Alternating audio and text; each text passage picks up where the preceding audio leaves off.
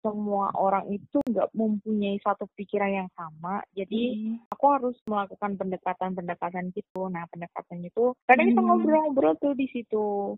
Kadang mereka emang sengaja lepas helmnya kan biar disamperin terus biar kerjanya ditemenin kayak punya nggak nyaman kayak aku kurang menemukan ketenangan dalam batinku dalam diri aku sendiri. Posisi pertama kali aku belajar sholat di situ kayak deg-degan kayak ketemu uh, gebetan pertama kali yang kita sayang. Halo, Assalamualaikum warahmatullahi wabarakatuh. Kembali lagi di podcast Girls Private Talk. Teman-teman semua, pada kesempatan kali ini kita akan ngobrol bareng dengan Mbak Kristina Tasari Atau yang akrab disapa sebagai Nata. Dia adalah seorang alumni Fakultas Teknik yang tentu saja pernah menjalani kehidupan di proyek. Tidak hanya itu, pada saat menjalani kehidupan di proyek, dia membuat sebuah keputusan besar, yaitu beralih agama dari Katolik menjadi Islam. Lalu, bagaimana prosesnya? Bagaimana tanggapan keluarganya? Dan bagaimana tanggapan lingkungan sekitarnya? Yuk kita simak sama-sama, semoga bisa bermanfaat, semoga bisa menginspirasi, dan semoga kita bisa saling menguatkan satu sama lain. Selamat mendengarkan.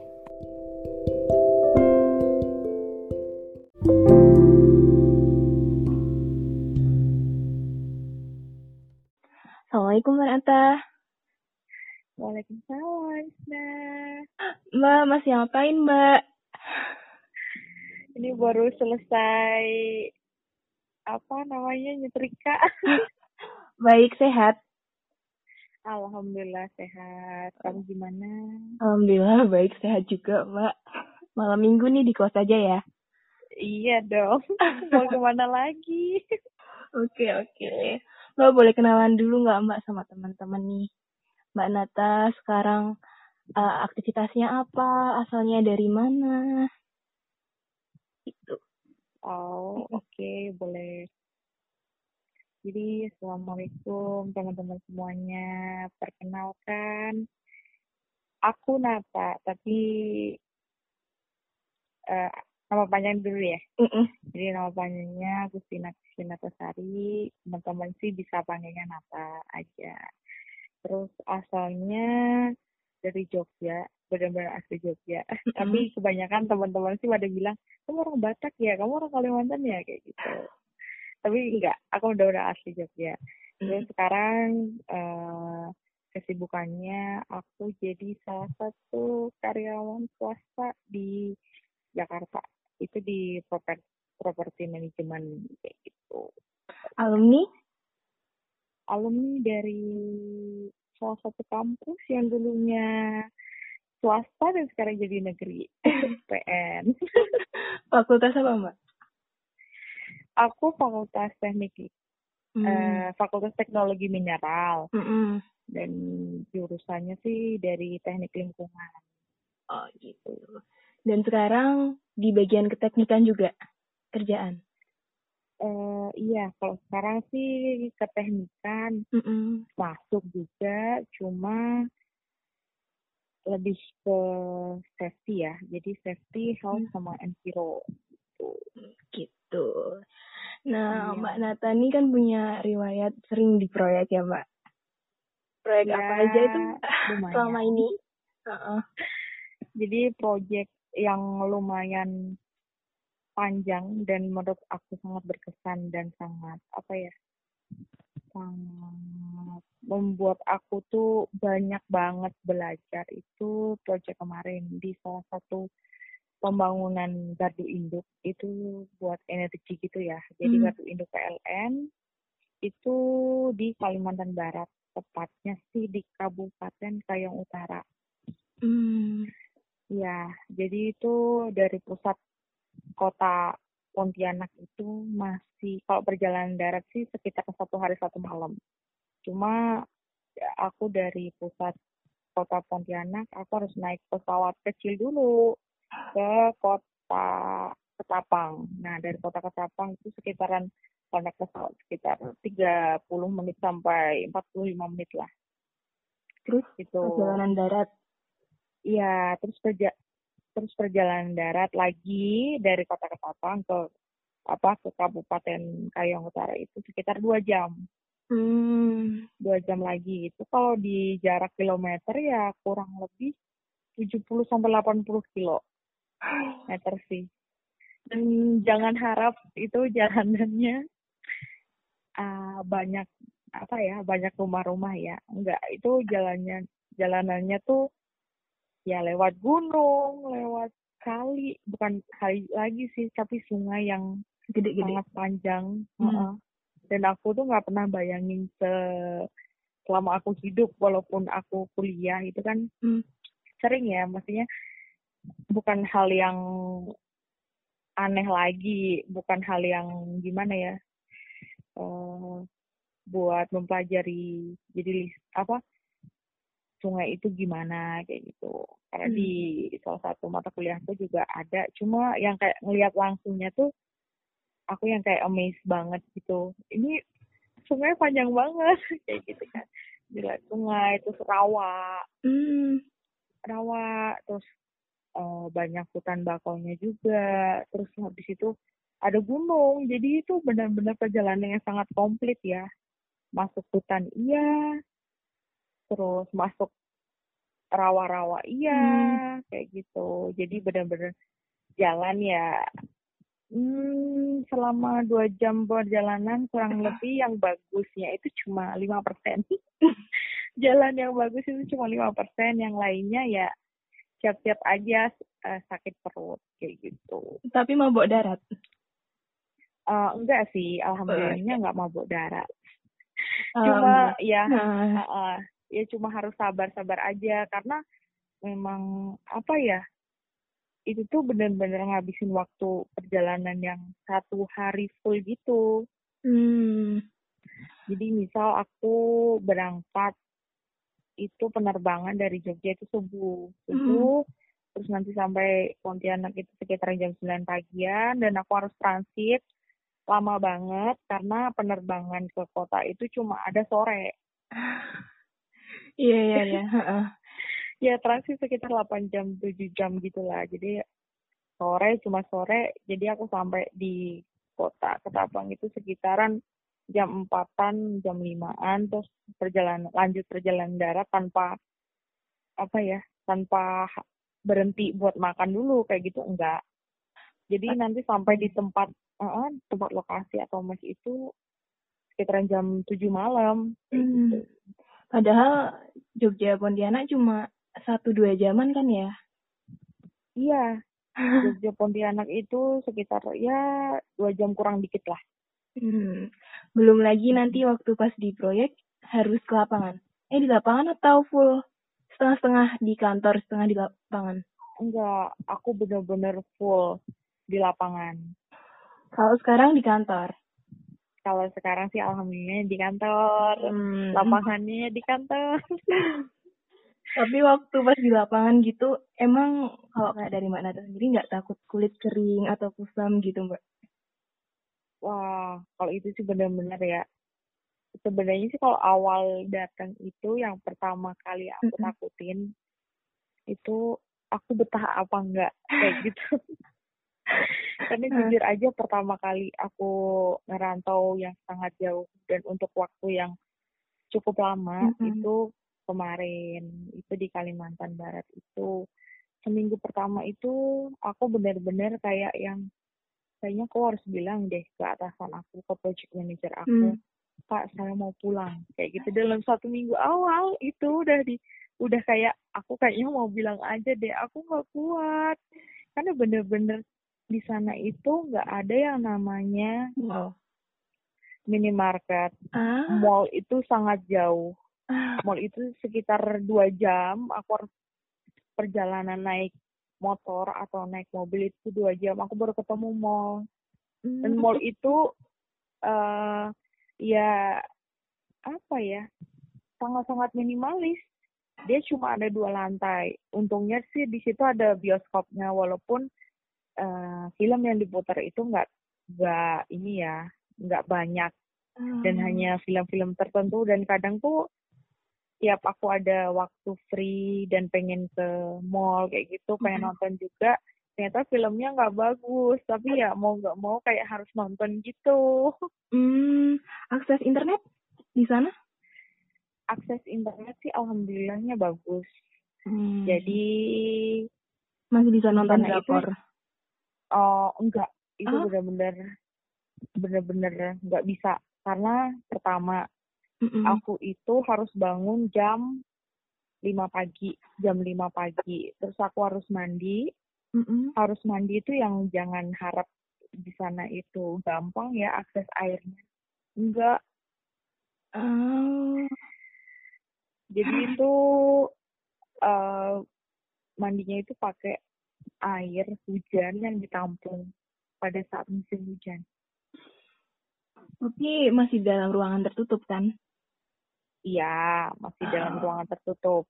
Hmm. Kalau pas di tempatku sih alhamdulillahnya ada ruangan tertutup hmm. cuma yang uh, butuh effort yang lebih gitu hmm. dan air kualitas airnya juga nggak nggak bagus terus kalau jadi, kayak berangkat huh?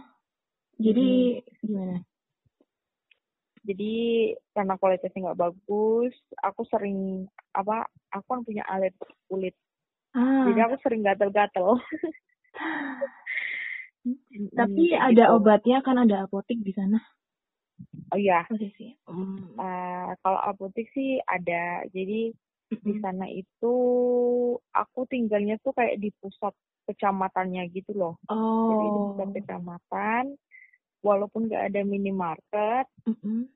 atau maksudnya minimarket yang Alfamart. bukannya sampai malam Indomart. ya, oh. ya kayak oh. Alfamart, Indomaret kayak gitu. Mm-hmm itu ya lumayan sih walaupun harganya tuh memang jauh lebih mahal dibandingkan yang di Pulau Jawa itu hmm. ya begitulah ya maklum karena memang akses juga susah. Hmm. Kalau kayak berangkat itu ada bareng-bareng ya. naik bis gitu nggak mbak? Kan biasanya kalau nggak salah ya pernah dengar dari cerita teman nanti berangkat itu bareng-bareng naik mobil atau kayak bis yang disediain gitu? Oh gitu. Kalau di sana sih kita bukan project yang apa yang kayak di tambang gitu ya. Jadi yang pakai bis kayak gitu enggak. Hmm. Jadi kita tuh hmm. kayak punya mobil uh, operasional. Jadi hmm. mobil operasional itu kita ada dan aku biasanya jam 6 kurang 15 menit itu aku -hmm. harus siap di depan mes. Karena di situ posisinya benar-benar project sekitaran 100 orangan, 100 mm-hmm. orangan, 100 lebih sedikit. Satu orangan hanya dua orang yang cewek. Aku mm-hmm. sama satu lagi itu orang lokal di sana yang dia kerja sebagai admin. Oh. Gitu. Stres gak sih, Mbak? Aku sih uh, kalau masalah stresnya mm-hmm. karena temennya itu nggak ada, enggak. Mm-hmm karena cuma cewek sendiri sih sebenarnya enggak cuma kayak yang uh, apa ya lebih takut lebih takutnya tuh gini karena pertama aku bukan orang di situ jadi aku hmm. harus mengenal uh, culture mereka terus hmm. kebiasaan-kebiasaan atau hal-hal apa sih yang sebenarnya orang-orang sini tuh kayak yang dianggap gak boleh pamali atau kayak gitu jadi oh, aku iya. harus iya.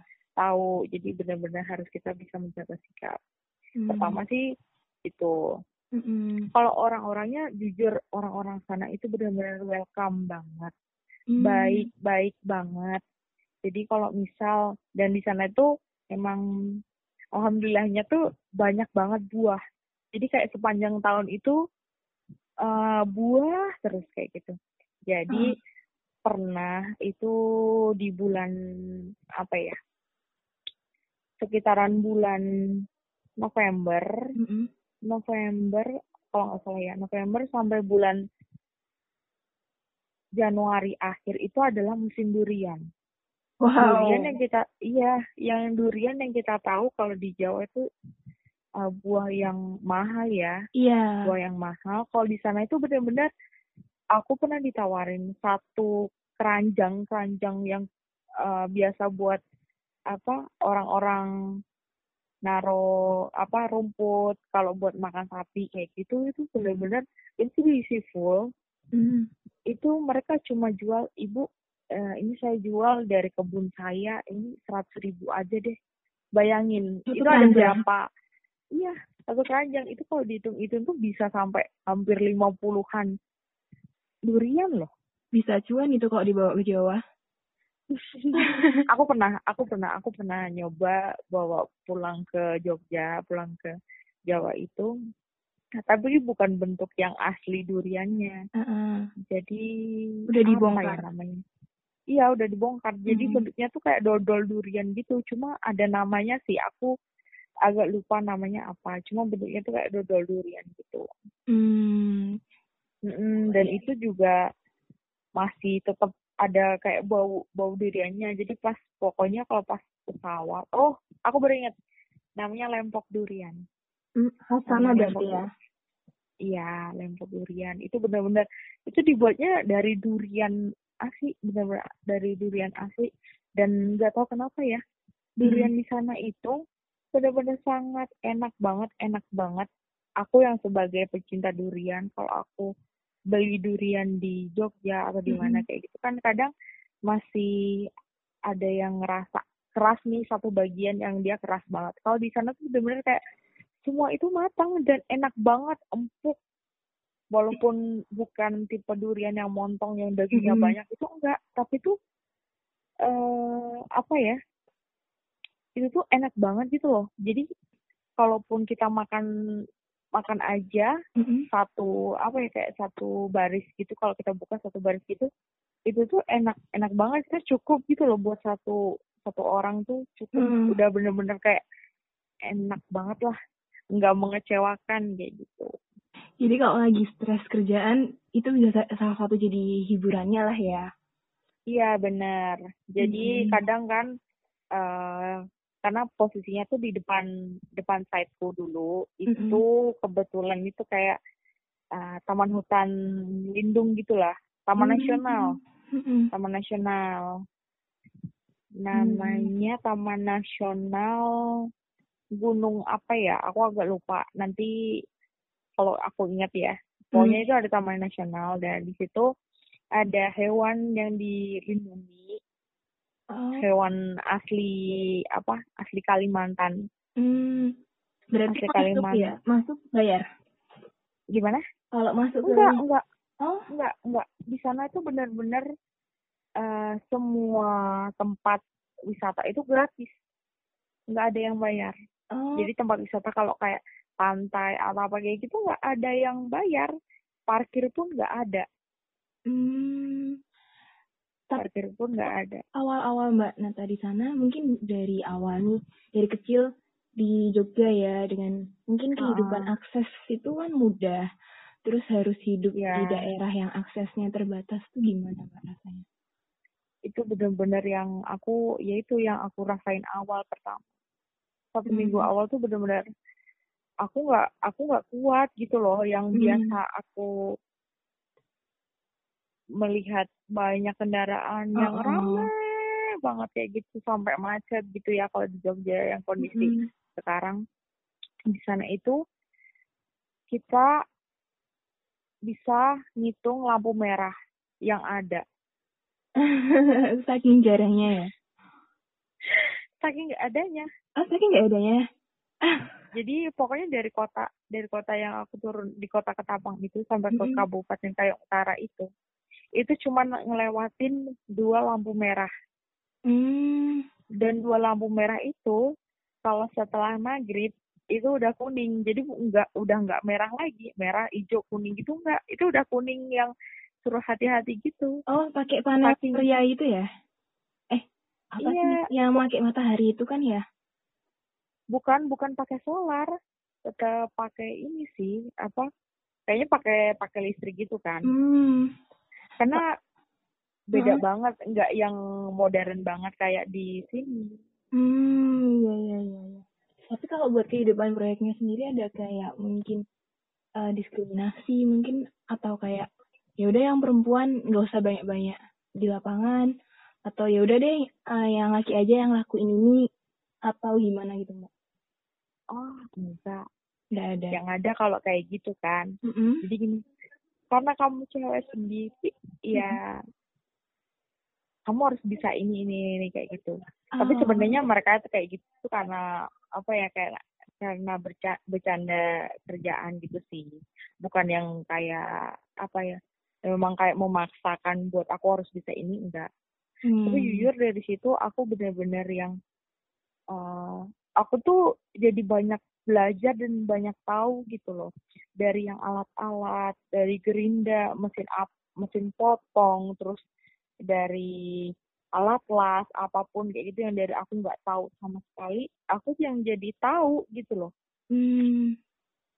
iya iya, iya. jadi jadi aku tahu terus gimana apa proses karena aku nggak tahu sama sekali pekerjaan sipil jadi aku mm -hmm. tahu juga kayak mm -hmm. gitu apa sih yang namanya pengacoran tuh kayak gimana terus pondasi mm -hmm. tuh kayak gimana pedestal tuh gimana kayak gitu tuh aku jadi tahu walaupun memang awal awalnya aku nggak tahu jadi aku tanya aku lebih banyak tanya itu apa sih namanya terus caranya gimana kadang kalau aku uh, karena di sana sebagai HSE jadi lebih meng apa ya lebih ke pengawasan gimana? HSE itu K3 ya? Iya K3 jadi aku di sana sebagai K3 gimana sih biar pekerja itu tetap uh, dalam kondisi yang aman mm -hmm. dalam saat bekerja terus memastikan bahwa mereka itu sehat terus lingkungan kerjanya juga sangat mendukung dan proper kayak gitu. Jadi karena apa ya uh, semua orang itu nggak mempunyai satu pikiran yang sama. Jadi hmm. aku harus melakukan pendekatan-pendekatan gitu. Nah pendekatan itu aku sering nyamperin. Kalau misalnya ada pekerjaan karena pekerjaannya nggak banyak dibagi-bagi kayak gitu. Jadi aku sering kayak nyamperin satu-satu. Terus sering ngobrol kayak gitu. Kadang uh, apa selfie bareng atau cerita-cerita kayak gitu. Terus kadang kalaupun kita istirahat, istirahat kan di depan di depan set itu kita punya satu apa ya kayak satu warung gitulah warung tenda gitu yang biasa kita kalau beli makan atau beli es kayak gitu intinya yang buat kita istirahat lah kita buat istirahat kadang hmm. kita ngobrol-ngobrol tuh di situ terus sering banget mereka yang kayak ibu uh, ibu apa iya saya pertama tuh pertama tuh aku kayak aneh gitu kan dipanggilnya mm -hmm. ibu karena pas posisi di situ aku ngerasa umurku tuh paling muda umurku tuh masih 22 gitu uh. umurku masih 22 yang dipanggil langsung ibu kayak gitu tapi uh, apa ya karena ini profesionalisme kerja oke okay, nggak apa-apa kayak gitu uh. terus uh, karena apa sering pendekatan kayak gitu nah mereka tuh kalau dikasih tahu jadi lebih lebih ngerti dan lebih memahami gitu loh jadi uh, yang dulunya kerja cuma pakai sandal jepit atau bahkan yang nggak pakai apa nggak pakai sepatu sama sekali nggak pakai alas kaki mm-hmm. kita edukasi kita kasih tahu gimana sih kalau kita kerja tapi nggak pakai apa ya APD alat pelindung diri yang sepatu atau rompi sama helm. Mm-hmm. itu tuh akibatnya kayak gimana kayak gitu. Tuh kita ngasih tahu lah.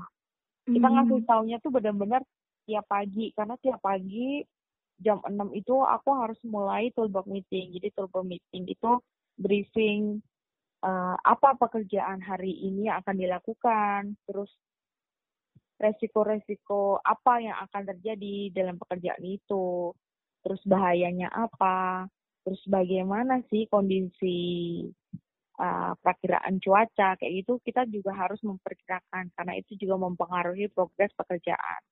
Jadi jangan apa ya, jangan pikir kalau kita sebagai HSE atau K3 itu menghambat pekerjaan. Kan banyak iya, tuh. Seringnya iya, gitu. banyak Iya, seringnya kan, ih apaan sih? Ini kerjaan yang gak safety, terus uh, apa di stop kalau nggak aman kayak gitu. Mm-mm. sering banyak yang sampai sampai sekarang tuh masih ada yang punya pemikiran kayak gitu. Padahal kalau dipikir-pikir ya kalaupun ada kejadian fatality bukan fatality sih kalau fatality kan eh, kematian gitu ya. Heeh.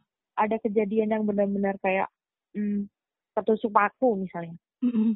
ketusuk paku kakinya dan kondisi pakunya itu berkarat. Pertama orang itu akan kesakitan. Pertama satu itu yang dirugikan itu diri sendiri. Pertama karena sakit terus jadi nggak bisa kerja. Mm-mm. terus yang kedua eh, progres kayak gitu juga semakin turun. Karena tenaga kerja atau karyawan yang bisa membantu yang harusnya dengan 10 nih 10 karyawan itu bisa selesai dalam lima hari Mm-mm.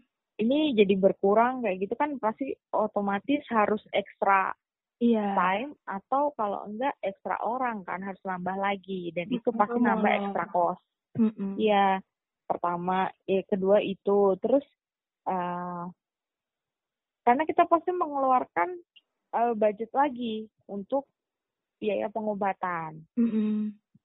Kayak gitu dan eh kalaupun sampai yang harus parah banget yang apa tanpa apa ya kalaupun kan biasanya kita langsung kalau ada kejadian kayak gitu kita langsung bawa ke puskesmas Heeh. karena di sana itu rumah sakit terdekat itu ya dua jam itu rumah sakit terdekat jadi paling dekat itu akses cuma puskesmas Yang Jadi mall itu itu ya. iya yang dekat mall Ah. itu itu rumah sakitnya di situ pernah aku bawa eh, satu pas satu karyawanku Mm-mm.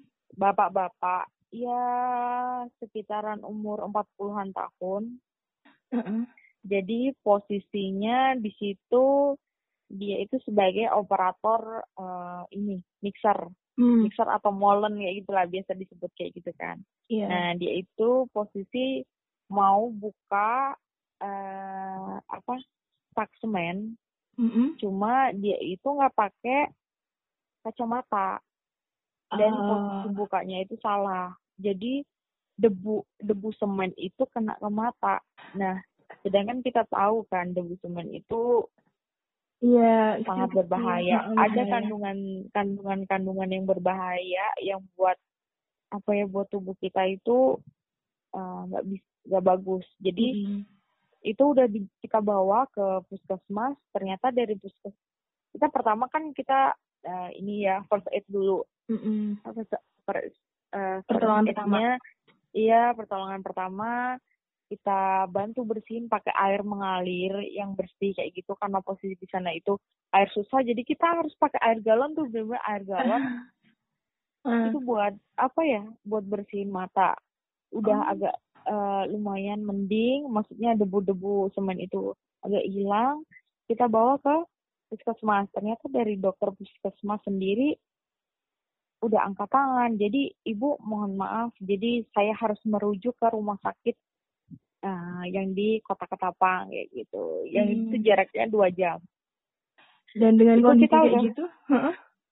dengan Iya, kondisi kayak gitu sebenarnya- sebenarnya ya Mbak. gimana? Teman-temannya.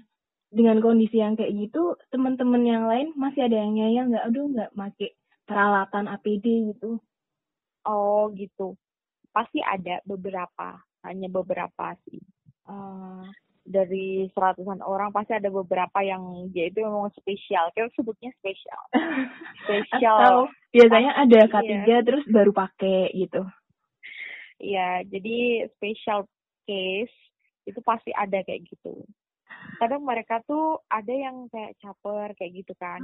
Ah, biar ini ah disamperin terus kayak gitu kan biar disamperin terus biar kerjanya ditemenin kayak gitu kadang mereka emang sengaja lepas helmnya karena Hmm. kalau misal posisi di situ saya emang baru capek misalnya aku baru capek banget dan aku nggak pengen kayak gitu dan aku datang aku pasti marah-marah mungkin marah-marahnya karena untuk kebaikan gitu kan Heeh. terus kalaupun memang kondisi dengan seperti itu dia tetap masih ngeyel aku panggil supervisor atau mandor atasannya mereka Hmm. aku panggil mandornya aku bilang kalau misal anak ini uh, dikasih tahu mastinya ya. Jadi biasanya aku kasih peringatan tiga kali.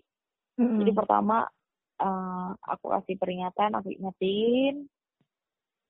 Terus ternyata masih diulangi lagi, aku kasih mm-hmm. peringatan lagi. Mm-hmm. Yang ketiga, ini peringatan terakhir. Dan mm-hmm. hari esoknya kamu gak boleh kerja. Wow. Iya, disukain banget itu. Gitu, oh, uh, jadi emang benar-benar harus tegas. Cuma ya tetap kita ada koordinasi. Saya uh, apa ya? Aku nggak boleh sepihak gitu karena tetap itu kan uh, buat kelangsungan proyek bersama ya. Jadi aku sih pengennya kayak gitu. Hmm. Karena aku nggak mau apa ya karyawan dan perusahaan itu sama-sama dirugikan kayak gitu. Oke. Dan di saat di proyek yang itu apa ya? Uh, aku benar-benar amazed banget sama Mbak karena Mbak memutuskan untuk pindah agama. Di saat itu ya? Iya. Boleh cerita nggak Mbak? Ceritanya gimana? Atau mungkin karena menemukan seseorang gitu? uh, kalau itu sih sebenarnya ceritanya panjang. Oke. Okay. Ceritanya sangat panjang. Jadi di situ uh, aku kan itu mulai ngerantau itu pertengahan 2018 ya. Kayaknya sekitar 6 bulan September ya, iya September. Hmm. Aku ke sana dan posisi di situ dulunya aku masih punya pacar. Hmm. Aku masih punya pacar dulu nih. Punya pacar yang posisinya kita dulu masih seagama. Hmm agamaku yang dulu itu Katolik ya.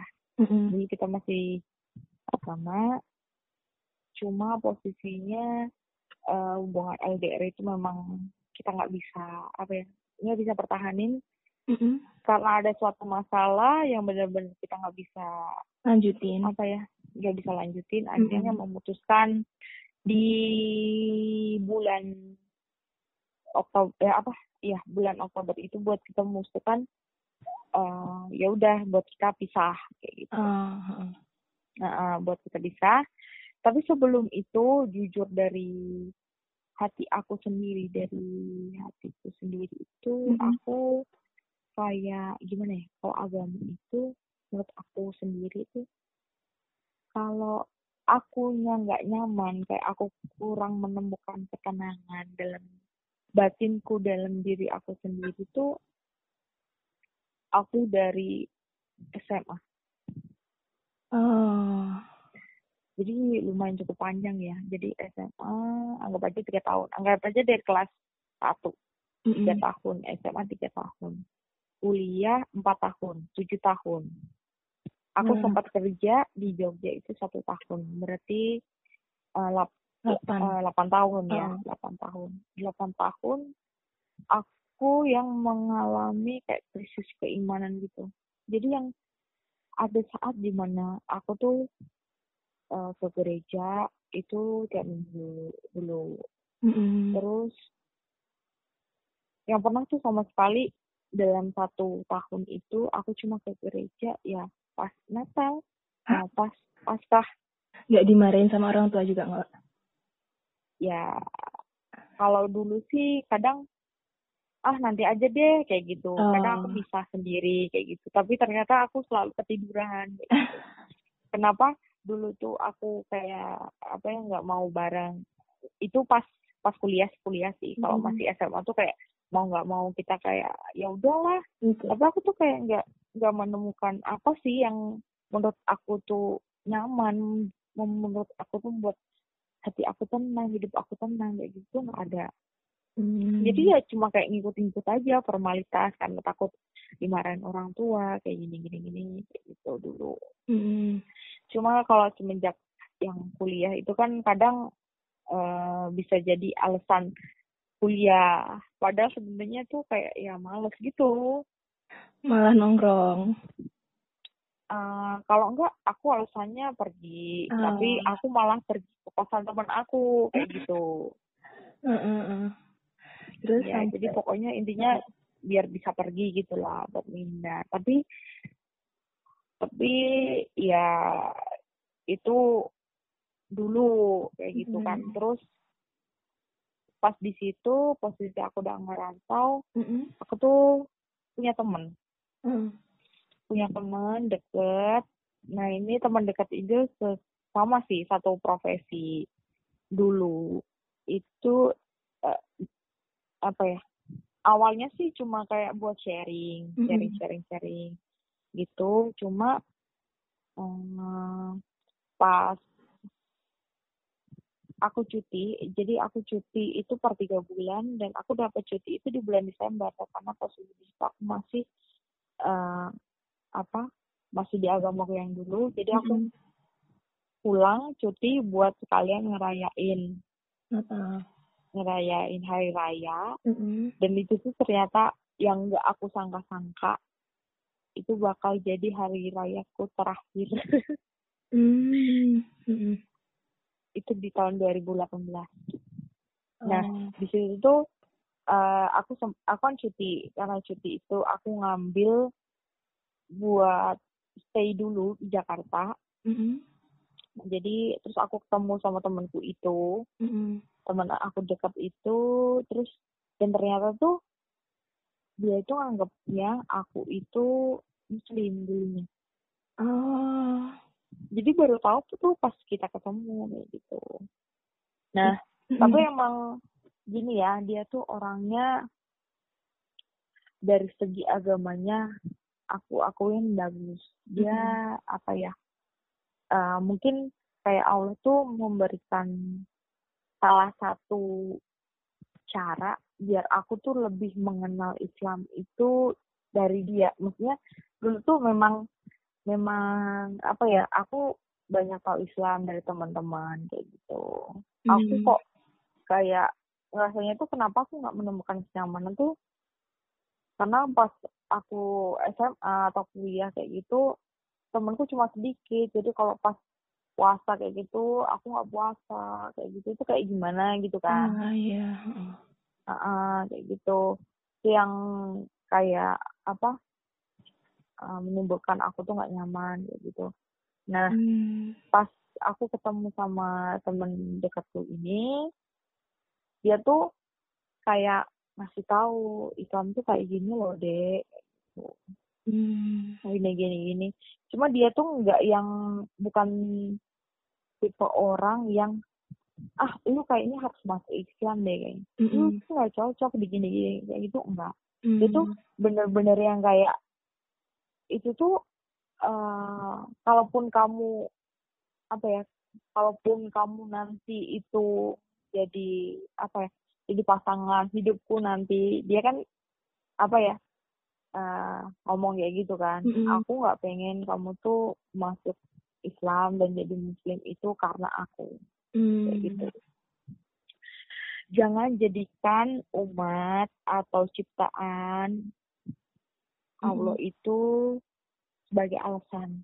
Hmm. Karena someday kalaupun ada hal sesuatu yang bikin kamu sakit hati, bikin kamu apa ya? bikin kamu kecewa atau apa kayak gitu, kamu bisa balik lagi tuh ke agamamu yang dulu kayak gitu. Hmm. Dia selalu menekankan kayak gitu.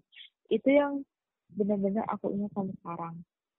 Hmm. Itu uh, yang pertama kayak gitu mm. dan aku tuh kayak lebih kayak dibukakan gitu loh mungkin aku dapat hidayahnya lagi tuh kayak dia tuh ngomong gini coba deh kamu download deh di HP kamu Al-Quran mm. yang ada terjemahannya kayak gitu oh.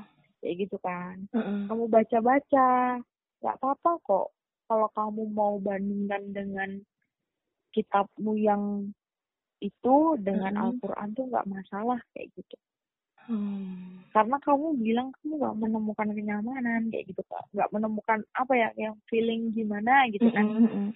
Nah kayak gitu. Nah di situ tuh aku oke okay lah, oke okay, aku coba kayak gitu kan. Aku coba, aku baca dan benar-benar aku itu tiap makin dibaca, makin dipahami, makin diresapi itu kayak makin ya Allah, ya Allah, ya Allah, ya Allah, ya Allah. Hmm. Jawaban yang ada yang selama ini bikin aku apa ya bikin aku nggak tenang bikin aku tuh selalu kayak bertanya-tanya itu tuh ada gitu loh jawabannya tuh di Al-Quran Hmm. yang itu tuh bikin aku kayak masih percaya dan aku yakin gitu loh Hmm. tapi posisi di situ aku belum bilang belum bilang ke temanku itu Bacanya aku belum di Jakarta atau sambil di proyek?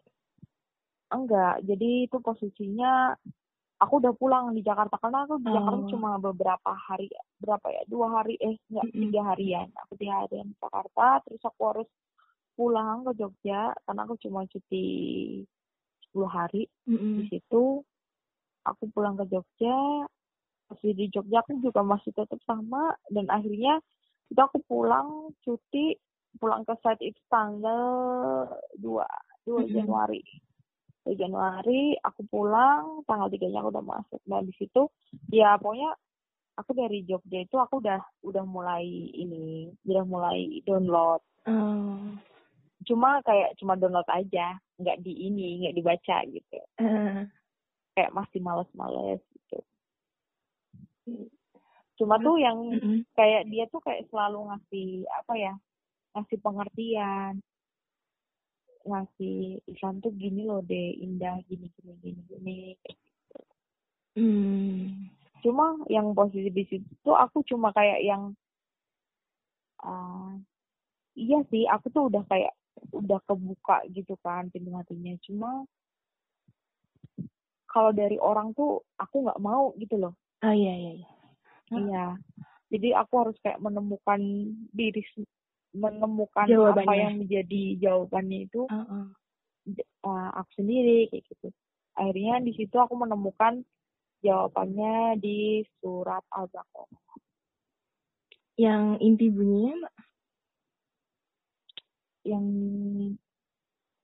nanti bisa baca sendiri Oke. surat Al-Baqarah ayat 111 sampai ayat 116. Oke. Oke, Terus nanti di bisa dicari ya.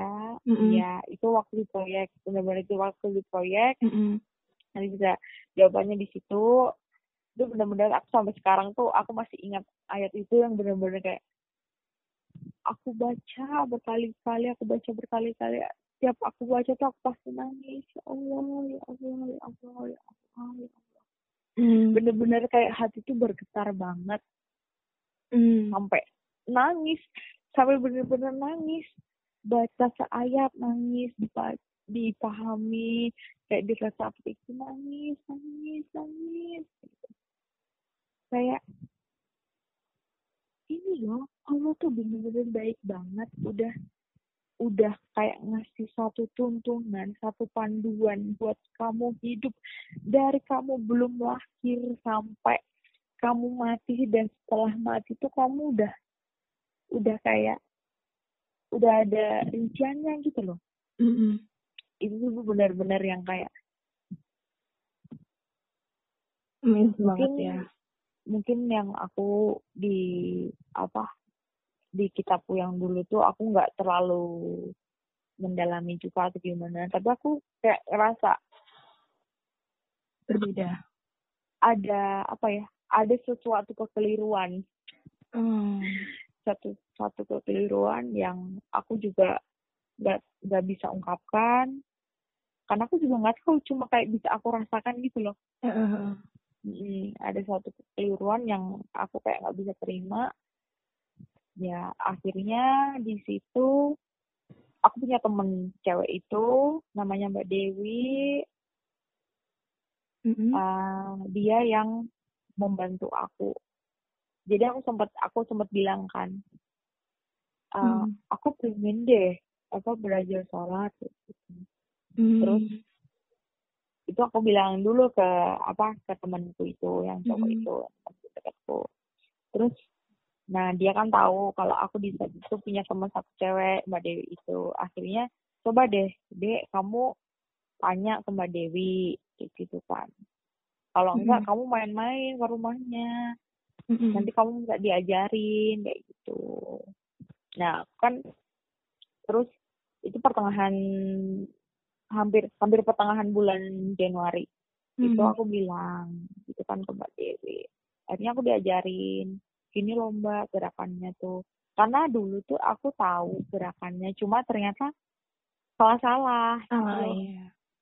iya Mm-mm. salah-salah dan nggak nggak nggak secara runtut gitu kan terus di situ aku eh, apa diterima banget dengan welcome nggak apa nggak apa sering main aja ke sini aku tidur sini nanti aku aku ajarin kayak gitu terus aku Ah. dibeliin buku panduan sholat sama ikro buku ikro itu aku simpan sampai sekarang benar-benar aku simpan itu benar-benar makasih banget mbak Dewi Kalau Ikro itu Bener-bener. bukannya harus dibantu ya Mbak?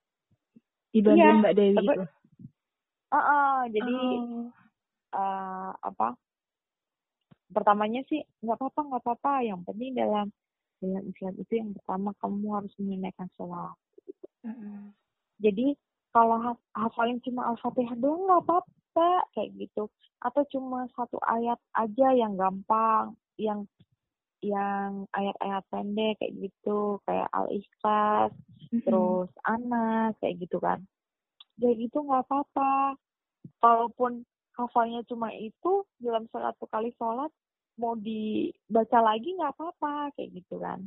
Hmm. dia yang kayak nggak apa-apa nggak apa-apa nggak apa-apa kayak gitu. Kamu tuh tahu kok kalau kamu tuh baru baru belajar baru proses belajar kan yang pertama dari niatnya kayak gitu. Kalau Nah, terus dari situ uh, dari situ ya aku terus apa aku iseng-iseng tuh buka Shopee akhirnya aku beli mukena cari yang gratis ongkir pasti. enggak Oh.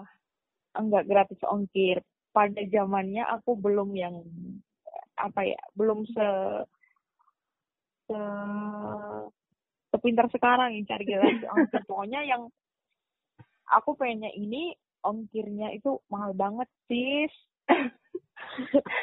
Mahal banget. Jadi ongkirnya itu lebih murah dari Jogja daripada di Jakarta. Sedangkan ini tokonya itu di Jakarta ya yang aku beli makanan ini. Bukan flash sale ya? iya bukan kayak sale lagi. Padahal aku tahu flash sale itu dari Mbak loh. iya dulu masih zamannya buka lapak ya buka lapak cuma pas Shopee ini aku nggak tahu cara apa cara mendapatkan voucher atau cashback atau kayak gitu. Aku aku belum belum tahu banget kayak gitu. Jadi ongkir dari Jogja itu aku masih ingat banget. Itu tiga puluh enam ribu kalau dari Jakarta itu lima puluh sembilan. Ah, satu kilonya. Lebih mahal ya.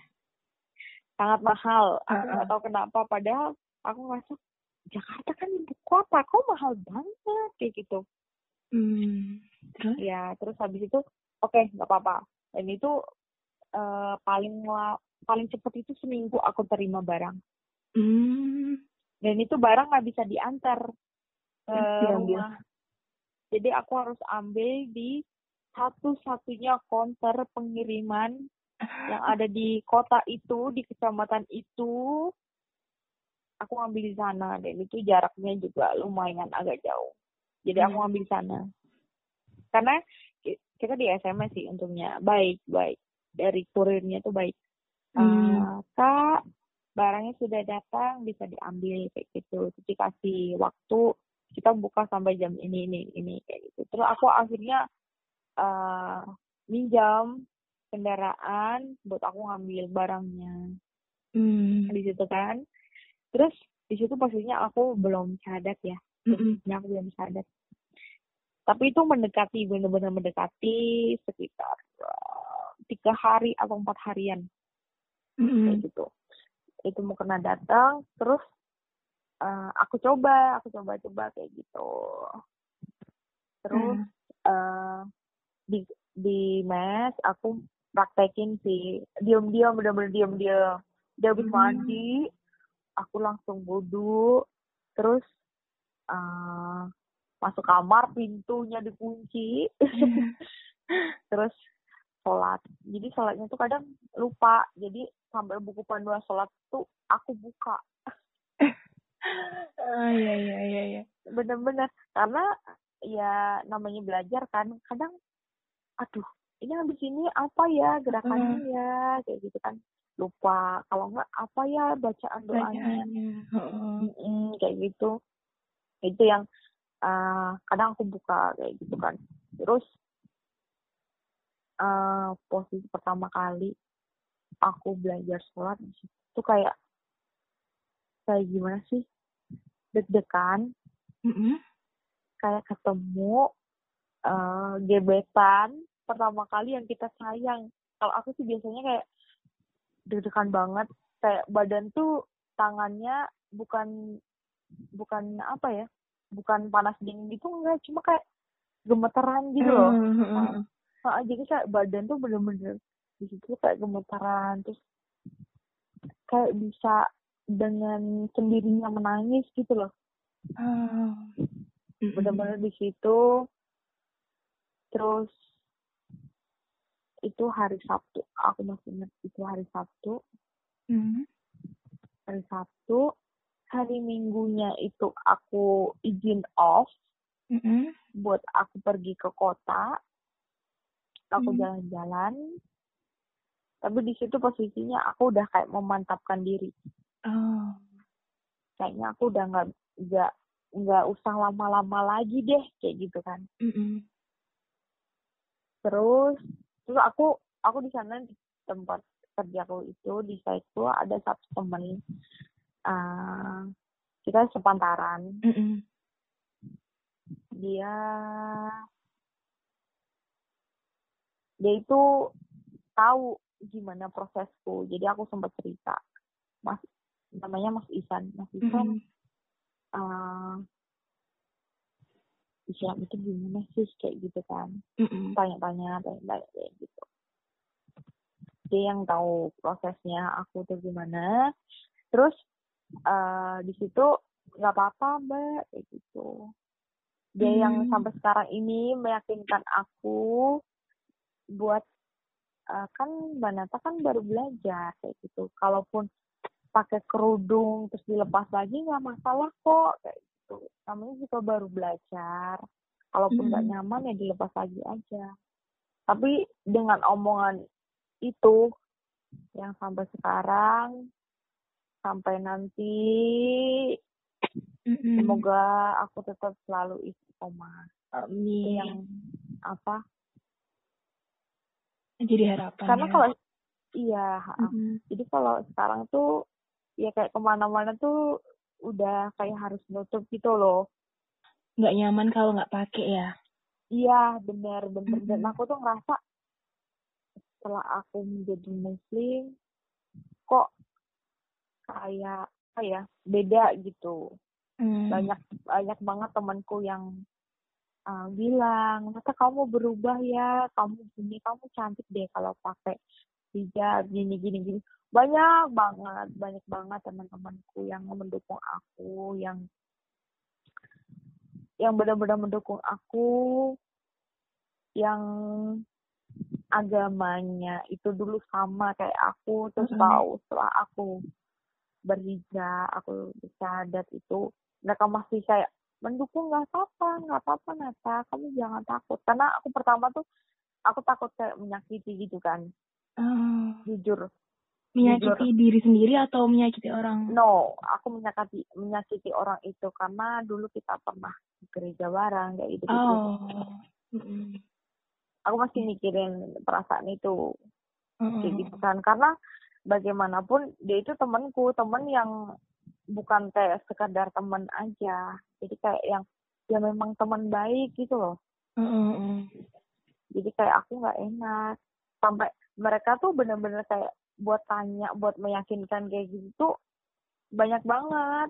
Sampai yang sampai sekarang pun ada temen aku yang SMP atau temen aku SMA kayak gitu kayak Nat aku boleh tanya nggak kayak gitu yang Mhm. dia ngomong kayak gitu aku udah tahu dia pasti mau tanya apa Kayak Iya. gitu Terus waktu orang tua ataupun keluarga tahu Mbak Fix pindah ke Islam, tanggapan mereka gimana? oh iya jadi sebelum aku memutuskan buat bersyahadat itu aku nelfon ke ibuku uh. Ya pokoknya dari awal dari awal awal aku masuk ke site dari pokoknya setelah aku cuti aku ke site aku sering ceritanya ke ibuku. Aku sering nelfon ke ibuku. Uh, dan aku pas saat itu tiba-tiba aku bilang kayaknya aku harus memberanikan diri deh. Mau sampai kapan sih kucing-kucingan? Kayak gitu kan. Mm-hmm. dan memberanikan diri buat ngomong ke ibuku bu aku sekarang baru belajar Islam kayak gitu. Mm-hmm. terus lah kenapa kok tiba-tiba gitu loh? Mm-hmm.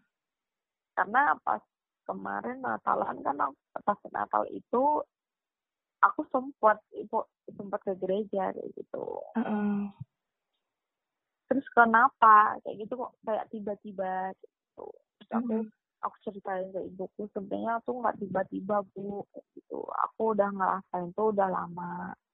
Mm cuma aku bingung aku tuh harus dari mana dan gimana dan bagaimana. Pokoknya tuh banyak banget pertanyaan yang ada di dalam hatiku sendiri dalam pikiranku. Kayak gitu mm yang selalu kayak bertanya-tanya gitu kan dan mm-hmm. akhirnya aku bilang aku beraniin diri buat ngomong ke ibuku ibuku benar-benar speechless pas saat itu hmm. diem bener-bener diem setelah ngomong kamu kok tiba-tiba kayak gitu kan itu diem lama banget tiba-tiba ngalihin perhatian aku kan aku ngalihin perhatian ya udah bu aku udah mau masuk lagi nih istirahatku udah selesai Mm-hmm. Biasanya aku nelpon pas jam istirahat. Oh.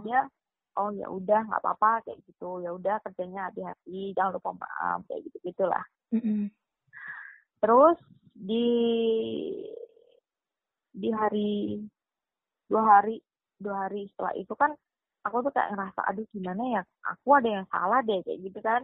Mm-hmm. akhirnya aku bilang lagi telepon lagi ke ibuku bu oh, jangan marah ya kayak gitu kan enggak mm -hmm. marah karena uh, dulu ibu Islam. Oh. Ya dulu ibu Islam terus menikah sama bapakku dan ikut agama bapakku. Mm. terus habis itu tapi ibuku tuh gini uh, yang pas telepon kedua itu aku tanya bu aku salah ya? Gitu kan. Enggak enggak salah hmm. kalau menurut ibu sih apa yang kamu yakini dan kamu kamu rasa itu benar karena kamu sekarang udah dewasa dia bilang gitu mm-hmm. aku bilang gitu sekarang kamu udah dewasa kamu bisa mikir mana yang terbaik buat kamu mana yang bikin kamu nyaman dan mana yang apa ya terbaik buat kamu gitu kan mm-hmm. Dan jangan sampai kalau kamu mau memutuskan untuk menjadi seorang muslim jangan karena orang. Uh, mm-hmm. jangan karena orang. Kamu mm-hmm. harus uh, apa ya ibaratnya tuh kamu harus menjemput sendiri tuh hidayah yang Allah berikan tuh. Nggak tahu dari mana, kapan, dan dengan perantara apa atau gimana kayak gitu kamu harus mencarinya dan kamu harus menjemputnya kayak gitu hmm. oke okay, di situ tuh aku ngerasa alhamdulillah aku kok kayak ada dapat dukungan nih gitu kan hmm. ayah belum tahu ya nah di situ setelah ngomong itu kan aku -uh. bilang ya kalau kayak gitu bantu ya bu buat ngomong ke bapak mm -mm tapi ya itu terserah ibu sih maksudnya mau ngomongnya itu kapan karena itu kan yang masalah yang sangat ini ya krusial. Ya. Mm -hmm. dan itu benar-benar yang sampai sekarang tuh kalau diceritain sempat debat? bikin nangis. Singkatnya berarti sempat debat gitu mbak? Bukan bukan debat sih. Uh bukan debat yang uh, menentang. Oh iya ya. Jadi kata-katanya mungkin masih biasa tapi menentang gitu ya? Bukan, bukan dengan kata-kata, tapi sikap dengan sikap dan perbuatan. Oh, oke okay, oke. Okay. Oke, kayak gitu. Terus yang sampai, iya gimana ya, orang tua, ini anakku loh, kayak gitu kan. Iya. Uh -uh. Ini anakku loh. Hmm. Yang aku gedein, kayak gitu. Hmm. Sampai sekarang? Enggak sih, kalau sekarang sih udah apa ya? Lebih bisa nerima? Dia udah bisa nerima. Oh. Ya semoga sih tetap bisa berbuat baik ke orang tua. Iya. Oh, oh. Terus kalau kayak Natal Mbak gimana Mbak? Tetap pulang ke rumah. Biasanya kan ada kumpul keluarga tuh. Iya. Ah, itu kalau? Uh, uh, jadi kalau Natal, jadi itu kan aku uh, mulai memutuskan untuk menjadi muslim, mm -hmm. mualaf itu di bulan Januari tanggal 19. Ah itu dan itu kan 2019 2019 yang kemarin itu aku nggak bisa pulang pas Natal hmm. karena dari kantorku bulan Desember Natal belum boleh cuti ya kayak gitu aku kasih cuti kamu di bulan Januari oh dikira hmm, menghindar gitu. dong berarti ya gitu. Terus di situ aku belum ya udah mau gimana lagi karena nggak boleh gitu kan uh -uh. terus aku bilang ke orang tua jadi maaf aku pas uh, pas Natal aku nggak pulang tapi nanti aku dapat cuti kan di bulan Januari aku Januari pulang itu lebih lama dibandingkan yang aku pulang sebelumnya aku pulang di bulan bulan sebelumnya tuh mm. biasanya cuma Sabtu Minggu mm -mm. Oke, okay, nggak apa-apa. Lanjut ya. Mm -mm. Jadi uh, aku bulan-bulan berikut eh, sebelumnya itu aku cuma pulang satu minggu satu minggu. Nah bulan mm -hmm. Januari ini aku pulang lebih lama karena aku dapat cuti karena pengganti di Desember itu aku nggak pulang kayak gitu. Ya aku mm. minta maaf nggak bisa pulang kayak gitu. Ya tetap masih biasa aku telepon, aku video call kayak gitu. Cuma posisinya aku nggak bisa pulang. Uh -uh. Gitu. Pas pulang, respon mereka ke Mbak gimana? Kalau keluarga inti sih, uh, mereka menerima, mereka sangat oh. welcome. Keluarga besar? Ya. Mungkin cibiran kali ya. Sekarang. Sampai sekarang. Uh, kata-kata atau sikap penolakan dari kata-kata atau juga sikap? Dari sikap.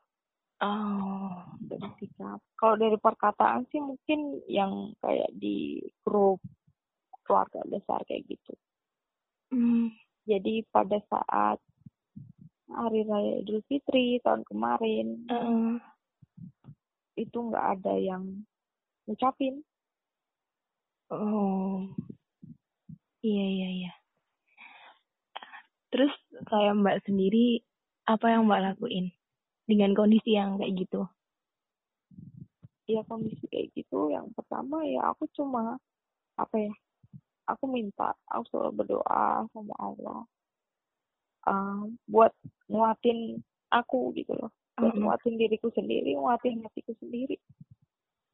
Dan aku selalu minta buat um, lapangin hati kedua orang tuaku mm -mm. dan keluarga intiku dan keluargaku sih. Tapi aku mikirnya tuh gini mikirnya secara rasional aja. Jadi uh, walaupun kita keluarga besar kalau kamu kayak nggak bisa menerima aku ya terserah kayak gitu. Dengan apa yang menjadi keputusanku karena ini hidup hidup aku yang ngejalanin aku dan aku yang bertanggung jawab atas hidup aku. Jadi hmm. aku prinsip aku kayak gitu. Terus uh, sampai sekarang sih keluarga inti aku benar-benar mendukung apa ya mendukung dan sangat welcome. Kalau kalaupun ada apa-apa tuh enggak yang kayak gimana kayak gitu. Cuma apa ya tetap aku posisinya sekarang tetap bisa kayak uh, harus bisa menjaga hati gitu lah uh -huh. menjaga hatinya tuh karena sempat apa ya shock yang benar-benar shock mm -hmm. shocknya itu bukan karena pas aku masuk muslim mm -hmm. tapi pas memutuskan buat aku benar-benar menutup aurat ah iya iya itu yang benar-benar kayak shock shock banget. Jadi sampai yang orang tua aku tuh jadi bapakku sih bapakku jadi punya darah tinggi. Yang sebelumnya nggak pernah.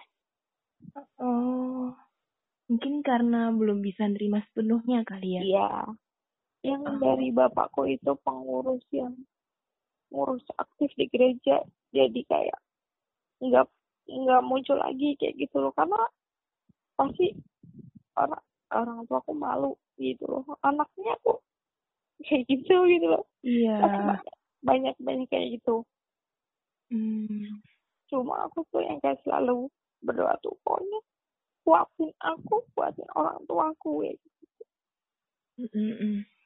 yang penting kita berbuat baik juga ya ke orang tua. Iya iya. Kayak gitu. Terus yang uh, keluarga apa ya keluarga intiku maksudnya kayak kakek nenek aku masih anggap keluarga inti ya bukan mm -hmm. bukan kayak gitu itu yang di depanku mereka menerima cuma oh. kayak yang di belakang itu kayak masih ada penolakan yang sampai jadi pikiran kayak gitu tuh yang sampai jatuh sakit tuh yang aku bikin aku sakit hati banget. Oh. Tapi ada satu apa ya satu satu pesan yang benar-benar aku ingat banget itu dari temanku dari ustadz yang uh, apa syahadatin bantu syahadatin syahadatin aku. Cobaan setelah kamu menjadi Islam itu Jauh lebih berat. berat. Berat mm-hmm. kamu harus kuat ya gitu. Berat banget. Bahkan sampai sekarang ya? Sampai sekarang. Oke okay, okay. dan sampai sekarang mbak tetap buat mempertahankan pakai jilbab. Iya. Hmm. dan aku tuh ngerasanya kayak gini. Aku dikasih kesempatan nih sama Allah buat aku. Aku mencari rezeki jauh dari rumah mm-hmm. selain menjaga hati orang tuaku biar orang tuaku juga nggak terlalu kepikiran uh-uh. dan aku di sini bisa fokus buat beribadah mungkin dengan cara aku merantau kayak gini gitu loh mm-hmm. aku rasanya sih gitu jadi kalaupun aku pulang ya aku tetap ya kalau di rumah atau bisa ke tetangga kayak gitu aku kayak masih gimana ya? Kurang nyaman uh, ya? iya kayak cari-cari misal mau pergi nih jadi dari rumahku mau ke rumah kakekku kan cuma belakang rumah tapi kan harus kayak ngelewatin jalan kecil gitu kan. Uh-uh. jadi aku harus memastikan jalan itu tuh nggak ada orang karena aku kalau pakai kerudung kan masih aku nggak mau gini ya apa ya gak mau kayak menyakiti mereka gitu loh. Jadi hmm. aku yang kayak bener-bener harus memastikan jalan itu sepi. Jadi kayak kucing-kucingan gitu. Terus aku baru lari. Kalau di sisi lain mbak nggak mau nyakitin mereka terus alasan terbesar mbak buat masih tetap pakai jilbab sampai sekarang apa mbak? Karena Allah melarang. Ah, okay. iya iya iya. Singkat ya kayak gitu Iya. Masih ada rasa kepingin buat main-main lagi nggak? Maksudnya kalau ketemu teman dulu kan bisa uh, mungkin nggak pakai jilbab atau kalau dulu mungkin wen boleh ya? Enggak, rasa sebenarnya sih kalau dulu sih enggak enggak oh enggak cuma kayak yang di di apa ya di kultur negara kita mungkin ya Heeh. mesti kayak menganggapnya itu kayak ya diperbolehkan kok kayak gitu. Tapi sebenarnya tuh Oh. enggak. Oh gitu. Sebenarnya tuh enggak kayak gitu. Makan daging babi. Eh, itu masih ada rasa kepengen mbak? Termasuk itu? no no no no no no. No itu nggak boleh loh. Hmm. Ya ini aku bilang Injil itu nggak boleh. Apa? Di Injil itu nggak boleh. Oh di Injil tuh nggak boleh? Di Injil itu nggak boleh loh. Itu Oh. kalau bener-bener orang yang tahu Heeh. yang belajar uh, kitab ahli Heeh. kitab. Mereka nggak makan. Oh. Iya ya bener. Ini aku nggak bohong ini ada. Itu nggak boleh nggak boleh. Oke. Mbak Nata tetap semangat ya. Iya harus semangat dong. Apa pesan-pesan mbak buat teman-teman yang mungkin sama-sama seperjuangan dengan mbak? Buat teman-teman semuanya yang di project semangat ya karena kita sebagai wanita di project. Itu keren banget sih. Aku rasanya keren banget. Kalian itu keren kalian luar biasa. Kalian itu eh pantas dapat apresiasi. Pantas disebut sebagai profesional. Itu pantas. Kalian yang di dunia project itu keren banget. Apalagi yang pakai helm pakai rompi pakai sepatu buat lapangan Heeh. yang boot kayak gitu keren. Itu keren banget. Itu keren dan tetap semangat Eh, kalau bukan bukan kerja di project atau di mana pun kalian berada tetap syukuri apa pun itu dengan kondisi sekarang Mm-mm. atau mungkin yang di umur gue sekarang kok nggak ada pencapaian yang gimana ya Iya, gitu tetap disyukuri tetap disyukuri karena kalau kita apa ya terlalu berambisi nuntut nuntut bahwa kita tuh harus bisa kayak orang itu tuh nggak bakal ada habisnya. Itu kalau terus buat Mm-mm. kalau untuk yang teman seperjuangan yang baru men- bingung galau Heeh. menemukan atau gimana cara menemukan itu tetap selalu berusaha. Bisa dengan bantuan orang. Kalian semua bisa menemukan hidayah atau bisa dengan membaca Al-Quran walaupun terjemahannya terjemahannya it's okay hmm. nggak masalah nggak apa-apa pasti eh, apa selalu ada cara Allah tuh punya cara yang bener-bener nggak terduga-duga aku tuh nggak nyangka gitu loh nggak Heeh. nyangka bakal secepat ini atau bakal selama ini karena dari 8 tahun ya tapi Mm-mm. aku ngerasa bener-bener yang proses yang dari yang aku kayak eh apa ya mulai interest banget sampai aku memutuskan itu aku dalam hitungan bulan Mm-mm.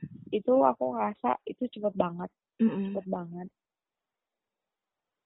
ada yang orang tuh bener-bener yang sampai kayak eh apa ya harus belajar ke sana ke sana ke sana atau apa kayak Mm-mm. gitu nah itu nggak apa-apa nggak apa-apa karena proses itu benar-benar yang akan eh jadi apa ya perjalanan jadi perjalanan yang bakal jadi cerita yang bakal yang jadi penyemangatmu kalau iman kamu tuh turun kayak gitu. Oh, aku tuh pernah loh sejatuh ini, se se dibahagiakan Allah tuh seperti ini. Pasti diingat-ingat aja gitu. Hmm. Terus kalaupun eh, yang teman-temanku yang muslim yang ngerasa kok aku ngerasanya imanku baru turun ya nggak apa-apa Mm-mm. pertama sih tetap prinsip aku walaupun aku bukan jadi sekarang bukan jadi orang yang suci maksudnya baik baik, baik banget ya. uh -uh.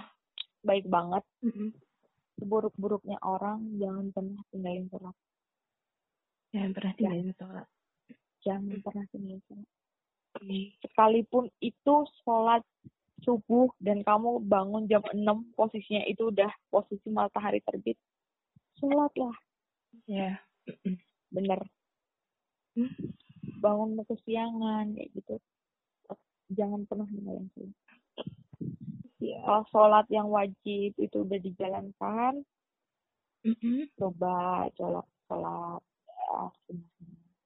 dikit-dikit ya. Ya terakhir nih mbak. Kalau ada statement mungkin nggak tahu ya teman-teman mbak ada yang pernah punya statement kayak gini atau enggak uh, bilang ke mbak jangan-jangan mutusin pindah agama itu karena lagi mau ngedeketin cowok atau lagi PDKT sama cowok itu menurut mbak gimana? Banyak banget loh banyak banget yang ngomong iya. gitu. terus? Banyak banyak banget kayak gitu. Cuma ya aku balik lagi. Aku buat memutuskan aku menjadi seorang muslim aku bukan karena cowok. Karena posisi di situ juga aku memang baru dekat ya udah uh. sama cowok. Tapi bukan karena dia bukan karena dia karena aku menemukan apa sih yang selama ini aku cari kayak gitu. Itu aku menemukan sendiri aku menemukan hidayahnya itu di dalam surat Al-Baqarah ayat 111 sampai ayat 115 tadi ya. 16 ya itu bisa kalian baca itu benar-benar yang aku tuh menemukannya di situ. Hmm. itu yang benar-benar kayak yang ya Allah ya Allah ya Allah ya Allah ya Allah ya Allah ya Allah itu tiap aku baca sampai sekarang pun kalau aku baca aku selalu nangis